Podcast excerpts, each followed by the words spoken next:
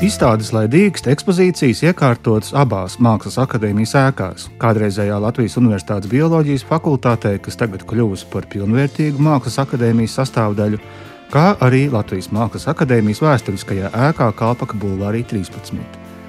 Savā veidā savienojoties, abas ēkas tiek pieteiktas kā aktīvas mākslas norišu platformas, vietas mākslas darbu eksponēšanai, jauno mākslinieku eksperimentiem un, protams, izglītībai lai sniegtu kaut nelielu ieskatu plašajā ekspozīcijā, kur skatām bioloģijas fakultātē, kā labvēlīgu, bet asredzīgu vērtētāju kopīgai apskatēji esmu pieaicinājis filozofijas publicistu Igoru Gubenko, kura interešu lokā mākslas jautājumiem allaži ir bijusi būtiska vieta. Vispirms pievēršamies maģistra darbam grafikā, Kristapa Kramiņa veidotajai galda spēlei, kurā aplūkota Rīgas mikrorajoniem raksturīgā apbūve dažādas blokmāju sērijas, kuras iespaidojušas spēles struktūru un vizuālo risinājumu. Lūk, viņa darbs, Ablokalipse, ir veidots kā galda spēle kurā aplūkota Rīgas dzīvojamiem mikrorajoniem raksturīgā apbūve, dažādas blokmāju sērijas, kas iespaidošas eh, šīs spēles struktūru, vizuālo risinājumu. Eh, jāsaka, ka arī spēles eh, nu, precīzie noteikumi nav izstādes apmeklētājiem skaidri, tie nav izklāstīti. Un, attiecīgi, atliek tikai minēt, vai tā ir īsta spēle, ko var tiešām nospēlēt, vai drīzāk tā ir mākslinieka spēle ar spēles žanru un formu, bet šī pievēršanās mikrorajonu estētikai, kas pati par sevi nav nekas jauns. Manuprāt, tieši galda spēles veidolā ir kaut kas tāds. Eh, nu, eh, ievērības, cienīgs. ievērības cienīgs un interesi rosinošs eh, darba vadītājs ir Paulis Liepa, slavenais mūsu grafiķis. Un es teiktu, ka varbūt viņa tādu nu, ietekmi te var arī saskatīt tajā grafiskajā risinājumā, kas ir izvēlēts. Nonākam vienā no plašajām katedras iekārtojuma auditorijām, kur vienopus sadzīvo gan tekstilmākslas darbi, gan liela formāta glezniecība. Un Igors Gubenko šajā salikumā iezīmē tieši pēdējo pieminēto mediju. Mēs redzam Sabīnas Pituras tekstilmākslas darbu kompromisu un auditorijas priekšā redzam 16 liela formāta gleznojumus, kur autore ir Ingrīda Ivane. Darba nosaukums ir 3429, 3429. Un tā ir atsauce uz darbos attēlotās ēkas adresi Katoļu ielā, tagad 29, agrāk 34. Un šajā darbā autore risina tēmu, kā viņa pati raksta, par robežu starp publisko un privāto telpu un atmiņu nepilnīgumu. Jā, viņa arī jautā vai reflektē ko mums nozīmē mājas un ko nozīmē tās zaudēt. Pateikšu, ka līdzīgu tematu, bet pavisam citā veidā risina šī gada Venecijas Bienāles Latvijas paviljons, jā, kur mākslinieci duets Skuja Breiden arī izveidojušas instalāciju, porcelāna darbu instalāciju, kas ir veidota kā viņu mājas, kur arī privātā un publiskā telpa satiekas. Tur ir arī nu, vēstījumā iepīts arī zaudējuma elements, varbūt. taču šeit mēs redzam neapdzīvotu, pamestu ēku, tādu, kura acīm redzami ir zaudēta tās kādreizējiem iedzīvotājiem. Un kas man likās interesanti, mākslinieca skaidri neformulē, vai viņa kādreiz tur ir dzīvojusi, vai kāds viņai tus cilvēks tur kādreiz ir dzīvojis. Respektīvi, vai tas ir arī viņas zaudējums. Bet katrā ziņā viņa norāda uz semiotiku, un varētu teikt tādu kognitīvo semiotiku, kā tādu zinātnisku, pētniecisku ietvaru, caur kuru viņa šo zaudējuma pieredzi arī pēta. Attiecīgi viņai saistošas ir um, zināšanas par cilvēka smadzeņu darbību un informācijas apstrādi. Es to, godīgi sakot, nenolasīju no paša darba itin nemaz. Mani Protams, nu, kā jau tādu cilvēku, kuru viegli ir pārsteigt ar iespaidīgām uh, lielformāta lietām, uh, jā, uzreiz uzrunāja, uzrunāja šis milzīgais, nu, tāds kā 16 gleznojumi, kas veido vienu kopīgu. Jā, absolūti tādu nu, monumentālu darbu, bez kādiem cilvēka figūrām. Taču, ja jau runa ir par mājām, pat par pamestām mājām, tad skaidrs, ka cilvēka klātbūtne te ir visnotaļ nojaušama. Un drīzāk es runātu par tādu kliedzošu prombūtni. Jā, cilvēks nekur nav redzams, bet mēs apzināmies, ka viņš te ir mājojis un ka tas viss ir viņam par godu. Un arī tas pagrimums, ko mēs vērojam, un tās vecās tapetes, jā, un pussabrukusi ēka, tas viss arī liecina par to, ka jā, cilvēks te ir bijis, cilvēks te ir dzīvojis, bet tagad vairs nē. Aleksandra Runde savā maģistra darbā grafikas nodaļā piedāvā filigrāno ļoti sirsnīgo un estētiski pacelājošo zīmējumu sēriju, ko darīt, ja esi Kailas pilsētā, kas apkopota rokas grāmatas izdevumā. Igor prāt, motīva par publisku kailumu saknes meklējamas sapņu pasaulē. Jo dažreiz gadās, ka kādreiz, kad attopies kails kaut kur cilvēku vidū, tad lūk, šeit uh, māksliniece sniedz vairākas atbildes, ko var darīt, ja gadījumā tā ir noticis. Nu jā, tā ir tāda um, arī sociālā, tāds sociālais eksperiments, arī varbūt pietuvinoties tādam vispārīgam līmenim, kā mākslinieka atklātība jau arī ir tas kailums nu, gan literatūrā, gan, gan, gan arī mākslā, gan mūzikā, jebkur, ka tu atklāji tavu neapģērbto pusi. Jā, un starp citu, es domāju, ka šajā izstādē ļoti daudzi mākslinieki ir izvēlējušies iet tieši šo ceļu un atklāt sevi un veidot autobiogrāfiskus darbus. Bet reizē, protams, tas fikcijas elements, kas arī mākslā un literatūrai ir raksturīgs, vienmēr sniedz tādu kā nu, divdomības, varbūt plīvuru, sagādā attiecīgi jebkurš mākslinieckais izteikums.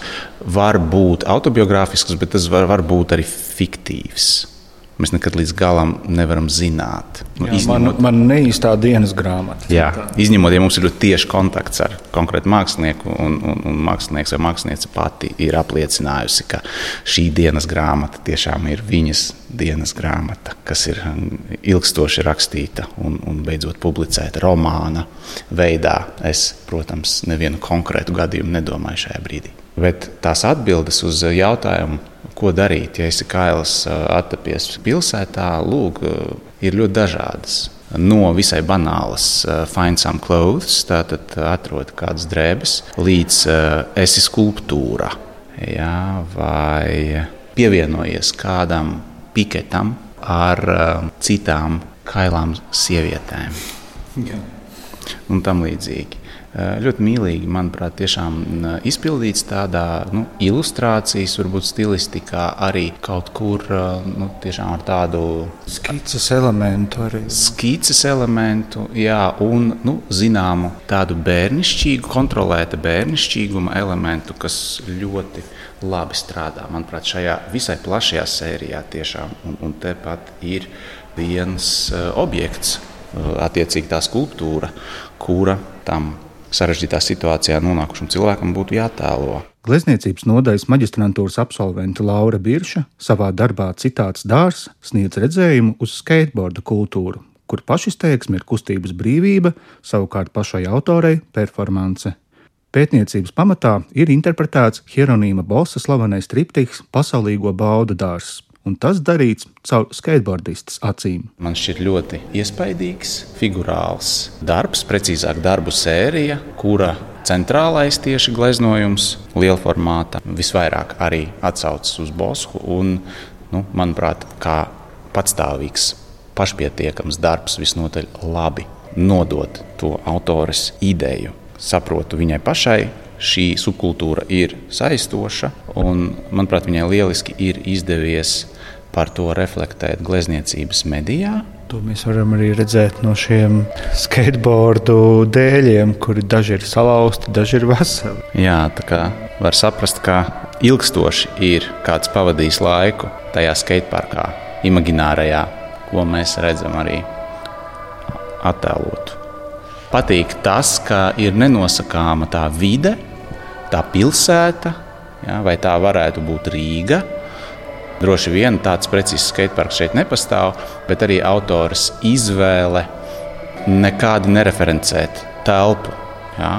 Nekādā precīzā veidā. Es, protams, atvainojos uzreiz skateboard uh, subkultūras pārstāvjiem, ja gadījumā es neatpazīstu kādu ļoti ikonisku vietu, bet es to nolasu no malas, jā, kā tādu imagināru iztēlotu arī mākslinieces pašas, uh, varbūt uzprojektētu tādu skateparku. Laura Biršu satiekam vienu stāvu zemāk, kur viņa pēc garas darba dienas atpūšas divānā kopā ar savu studiju biedreni Ēmu Sofiju. Aicinu abus diplomantus dalīties iespaidos par visu pārējo kolēģu veikumu kopumā. Man vairāk izskatās, ka tas ir vairāk kā tāds atspoguļojums, kas ir noticis un kas tagad notiek. Lielākā daļa kā kaut kādās atmiņās vai sentimentālās atmiņās valdzēs un, un, un pārskat, kas viņiem ir apkārt. Tas vairāk tā, tie visi darbi man kaut kā tā vairāk šķiet. Ka tas ir ļoti personisks. Jā. jā, jā, jā, pilnīgi noteikti personisks. Līdz ar to, ka viņš tāds personisks, katrs, es domāju, vienkārši izskata to ceļu viņam sev kā, tagad apkārt.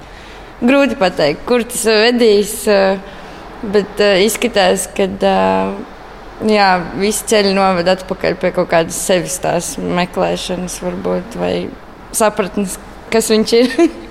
Jā, jo māksliniekam jau ir starp visām daudzajām iespējām vēl tāda, ka vai nu tu rādi otram cilvēkam sevi, vai tu nostājies viņam blakus. Nu, jā. varbūt ir kaut kas tāds, varbūt no kritiskā skatu punkta, ka tu redzi, ka varbūt kāds ir izvēlējies pārāk vienkāršu ceļu, un tev liekas, hmm, nu te nu vajadzēja pastrādāt nedaudz vairāk. Nu, man liekas, nav tāda vispār vienkāršā ceļa. Katram ir savs, un katram ir savs uh, līmenis, un kā viņš uzskata to. Un, uh, katrs ir izpaudies, uztaisījis to, ko viņš ir vēlējies, un kā sanāca, sanāca. Bet uh, man liekas, nevienam nav bijis tā ļoti viegli un viss slīdēs. Protams, jebkurš darbs, jebkurš mākslas darbs nav nekad pabeigts. Tādēļ pie jebkura darba var strādāt un strādāt. Bet, uh, tas, kas te ir sanācis, tas ir tas gala rezultāts, ko pa šiem gadiem, diviem pie četriem, gan bakalaura, gan maģis paspējis darīt. Jā, man, piemēram, pazīstot cilvēkus, kuri gan ir studējuši mākslas akadēmijā, un varbūt arī dara to vēl šobrīd. Man ir palicis tāds iespējas, nu, ka tas apjoms ir tāds zirga nodzīšana, ja tā var teikt, ka tu nezini ne dienu, ne nakti. Kā tas ir bijis jūsu gadījumā? Tieši tā arī ir bijis. nekā, nekā nebija ko paslēpt. Tā arī, arī bija. Maurētā? Jā, bet uh, līdz ar visiem tiem uh, miljoniem eksperimentiem un kaut kādām simtiem tūkstošiem skicēm un uzdevumiem, kas iet cauri, tu kaut kā atrod atlasi to, kas no tā visa tev der. Un tas ir to vērts, nostrādāt kā tam zirgam un tā, bet uh, viss nu jā, ir atkarīgs, ko no tā visa paņem. Vai tas tev mudina turpināt, kādā ceļā tas tev ievirzīs? Nu, jā. jo katru reizi jau arī mākslinieks tur vai nu viņš izdomā pagrūti tā. Kādu pilnīgi revolucionāru paņēmienu? Nu, nē, es nezinu, vai tieši revolucionāri, bet pieņemsim, viens iet uz superklasisku kaut kādu virzienu, citam viņš grib pilnīgi atmest to un aiziet uz pilnīgi kaut kādu abstraktu virzienu, vai arī kaut ko savākt visu kaut ko kopā. Kā ļoti labi, kad ir mūsu nostrādinājuši, jo arī, kad ir superintensīvs laiks, tad arī rodas reizēm ļoti labas idejas, kur tad tu skaties, kad vai nu tas ir kaut kāds ceļa sākums, vai tas ir kaut kāds nobeigums. Un, un, Deivs Grēbers ir Ņūorleānā bāzēts mākslinieks, kuram Rīgas mākslas vide nav sveša. Viņa vērtējums par diplomu darbu izstādi galvenokārt koncentrējas uz telpas īpatnībām. The um. Es pēdējo reizi Rīgā biju pirms četriem gadiem, kad te norisinājās pirmā laikmetīgās mākslas bienāle Riboka.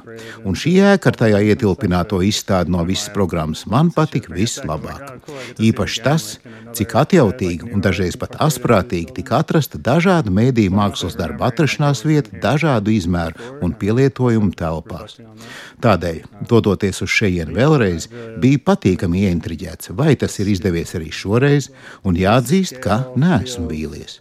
Un neskatoties uz to, ka šī kādreiz bija akadēmiska iestāde, tās salīdzinoši nelielais izmērs ir ļoti aicinošs un rada viesmīlīguma sajūtu. It feels, the scale feels like very like welcoming and nice to me too. Neatņemama Mākslas akadēmijas studiju sastāvdaļa kopš augstskolas dibināšanas ir mākslas vēsture un pētniecība kopumā - zinātne. Mākslas vēstures un teorijas apakšnozares vadītājai, profesorai Silvijai Grosai jautāju, kādas tendences vai interešu viļņi ir fiksējami šī gada absolventu lokā. Nu, būtībā mums šie viļņi ir divi. Jo, uh, viens ir tāds tradicionālais, ja tā var sacīt, mākslas vēsture tādā visā savā plašajā laukā, un otrs ir saistīts ar uh, laikmatīgām lietām. Uh, maģistra programmā tā ir arī šī kuratora studija programma, kas tagad ir no jauna ieviesta.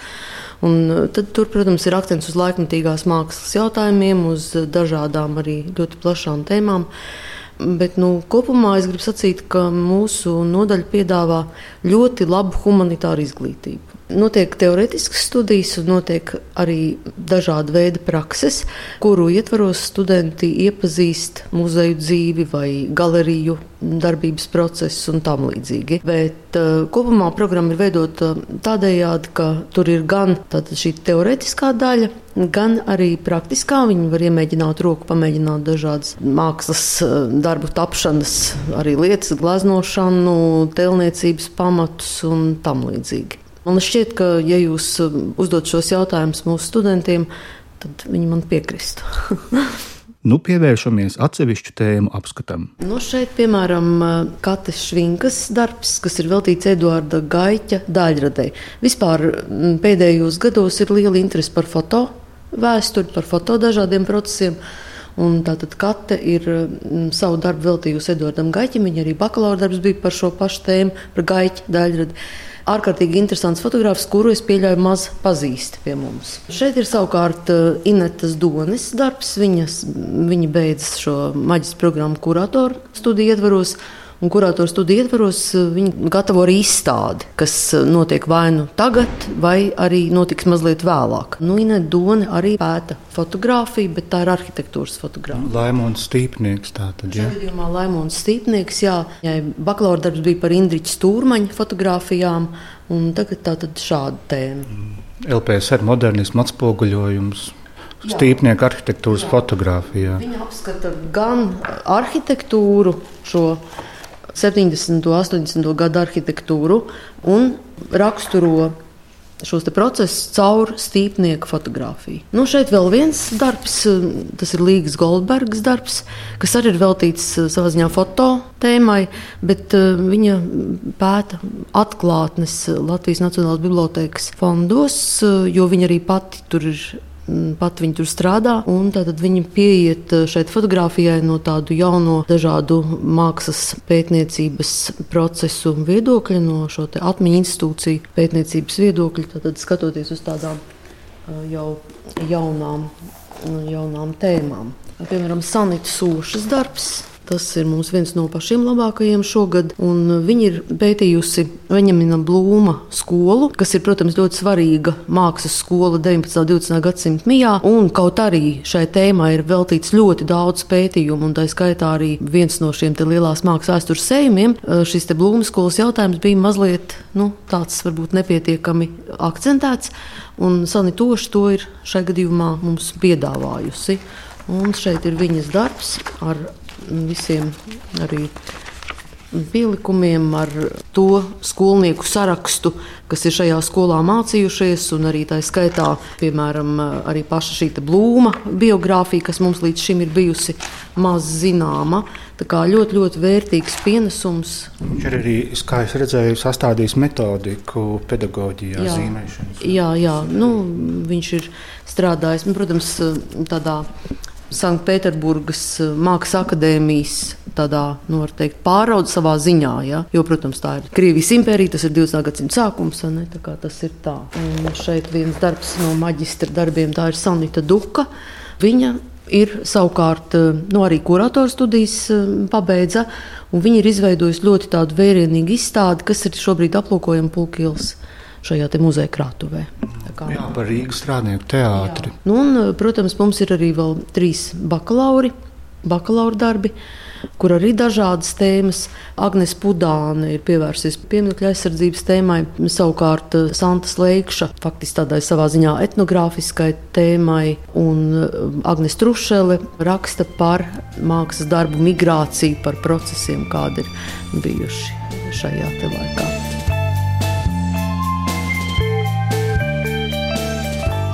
Pētniecības darbu saistošākajiem fragmentiem uz virtuāliem ekrāniem drīzumā varēs iepazīties Latvijas Mākslas akadēmijas galvenajā ēkā, telpā, kur savulaik atradās biblioteka un uz kuru pēc dažiem mēnešiem pārcelsies Mākslas vēstures institūts.